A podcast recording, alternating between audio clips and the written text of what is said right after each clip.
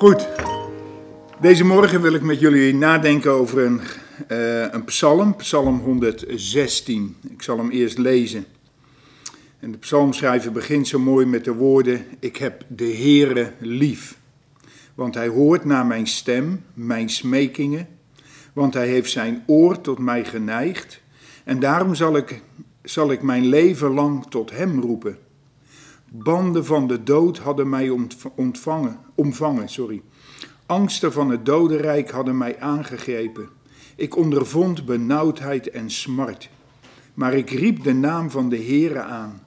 Ach Heere, red mijn leven. Genadig is de Heere en rechtvaardig. Onze God is een ontfermer. De Heere bewaart de eenvoudige. Ik was verzwakt, maar hij heeft mij verlost. Keer weder mijn ziel tot uw rust, omdat de Heere u heeft welgedaan. Want gij hebt mijn leven van de dood gered, mijn ogen van tranen, mijn voet van aanstoot. Ik zal wandelen voor het aangezicht des Heere in het land der levenden. Ik heb geloofd, zelfs toen ik sprak. Ik, heb, ik ben zeer verdrukt toen ik in mijn angst zeide, alle mensen zijn leugenaars. Hoe zal ik de Heere vergelden, al zijn weldaden jegens mij? De beker der verlossing zal ik opheffen. Ik zal de naam des Heeren aanroepen. Mijn gelofte zal ik de Heere betalen, in de tegenwoordigheid van al zijn volk. Maar kostbaar is in de ogen des Heeren de dood van zijn gunstgenoten. Ach, Heere, waarlijk, ik ben uw knecht, ik ben uw knecht, de zoon van uw dienstmaagd. Gij hebt mijn banden losgemaakt. Ik zal uw lofoffer brengen en de naam des Heeren aanroepen. Mijn gelofte zal ik de Heere betalen in de tegenwoordigheid van al zijn volk. In de voorhoven van het huis des Heeren, in het midden, o Jeruzalem, of in uw midden, o Jeruzalem. Halleluja. Nou, deze psalm die, die geeft duidelijk weer dat de schrijver, en het is waarschijnlijk David, dat hij vanuit een diepe nood tot de Heere geroepen heeft. En, en wat kom ik in mijn bediening veel mensen tegen die echt in diepe nood zitten, die niet weten waar ze het uit moeten roepen. En, en dan hoop je zo graag dat ze, dat ze de Heere gaan leren kennen en gaan uitroepen tot de God die antwoorden kan geven, die bemoedigen kan, die kan helpen. Maar aan de andere kant moest ik ook denken aan, aan bekering. Het geloof op het moment dat je besefte dat je verloren was. Dat je werkelijk door je zonde en schuld tegenover een heilig God moest gaan staan en geoordeeld zou worden en dan voor eeuwig van hem zou moeten verdwijnen. En, en ik denk, wat een doodsgevaar was dat. En dat ik dan door genade de Heere mocht aanroepen en hem mocht leren kennen en, en vrij kwam te staan. Want hij schrijft hier ook, hè. De banden van de dood hadden mij omvangen. Nou, dat is ook de banden van de zonde. Zoveel mensen leven gebonden door de zonde en het lijkt wel of ze er niet vrij van komen. Maar hij zegt hier, ik heb de Heere lief want hij hoort mijn stem. En, en, soms hoor je mensen wel eens zeggen: Ja, ik heb het gevoel dat mijn gebed niet verder dan het plafond komt. Nee, God hoort. En hij verhoort op zijn tijd, op zijn wijze, hoe hij denkt dat het het beste is voor ons leven. Hij heeft mijn stem gehoord, mijn smekingen. En dan zegt hij: Hij heeft, mijn, hij heeft zijn oor tot mij geneigd. En eh, eh, eh, in een beetje beeldspraak lijkt het dan net als jij roept dat de Heer op dit doet zo van, wat zeg je, ik hoor je, ik luister, aandachtig neem ik je woorden waar. En dat vind ik zo mooi dat in deze psalm, dat hij dat zo uit. Hij spreekt over banden van de dood, angst voor het dodenrijk, over benauwdheid en smart. En juist ook in deze tijd, waar mensen zijn stilgezet, komt dat ook zo naar voren. Ik denk dat, dat de coronavirus op, op die manier heeft bijgedragen dat heel veel mensen zijn stilgezet. Want wij, wij gaan maar door, hè? dat is typisch de westerse wereld. Je moet doorgaan en doorgaan, carrière maken, omzet en, en, en nu worden we stilgezet. En heel veel mensen die hebben daar problemen mee. Ik las in, in, een artikel in België, daar zijn in de afgelopen vier maanden 23% meer echtscheidingen. En wat is de oorzaak? Man en vrouw waren opeens thuis. Ze konden hun eigen weg niet gaan. En huwelijken gaan kapot, gezinnen gaan kapot. En wat doen ze ermee? Ze laten het kapot gaan.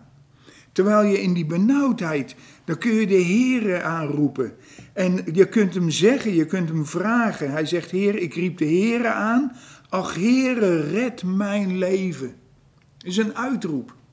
En ik, ik, ik ben ook iemand die graag eerst zelf oplost.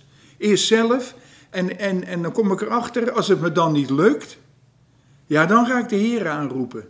Maar deze psalm die, die leert me weer opnieuw. Roep eerst de Heer aan voordat je zelf gaat rommelen en gaat zoeken. Ga eerst op je knieën. Zoek eerst de Heer. En dan zal Hij je leiden op die weg. En Hij zal je kracht geven, wijsheid, wat nodig is. Want in vers 5 staat zo mooi: Genadig is de Heer en rechtvaardig. Onze God is een ontfermer.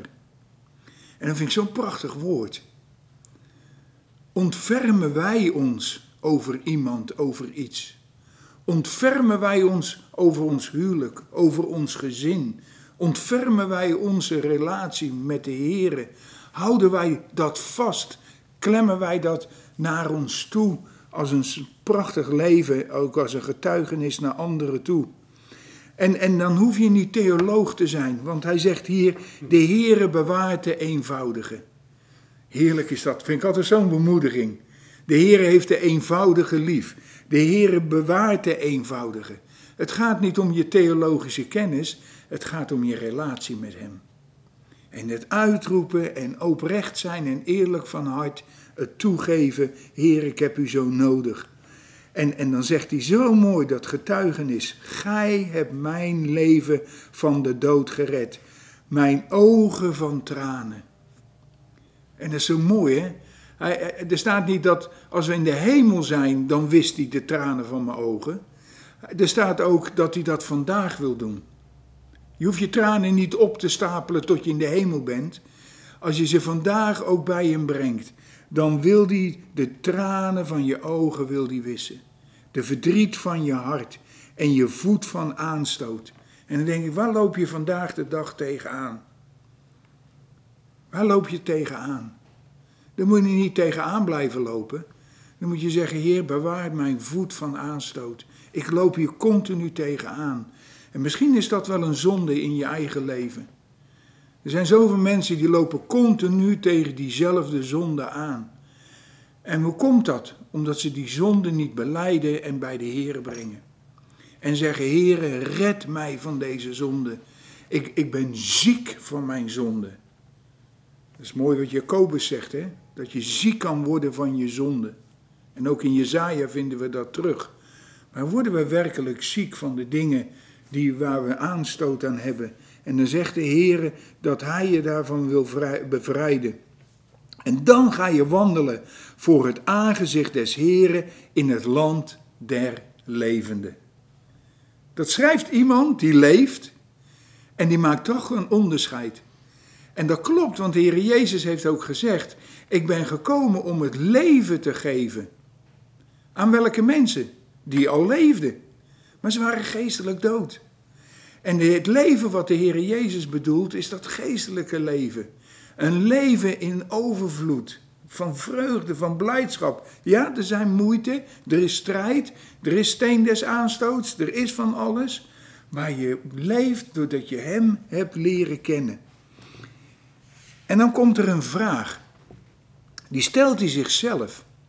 Dan zegt hij: Hoe zal ik de Heere vergelden al zijn weldaden jegens mij?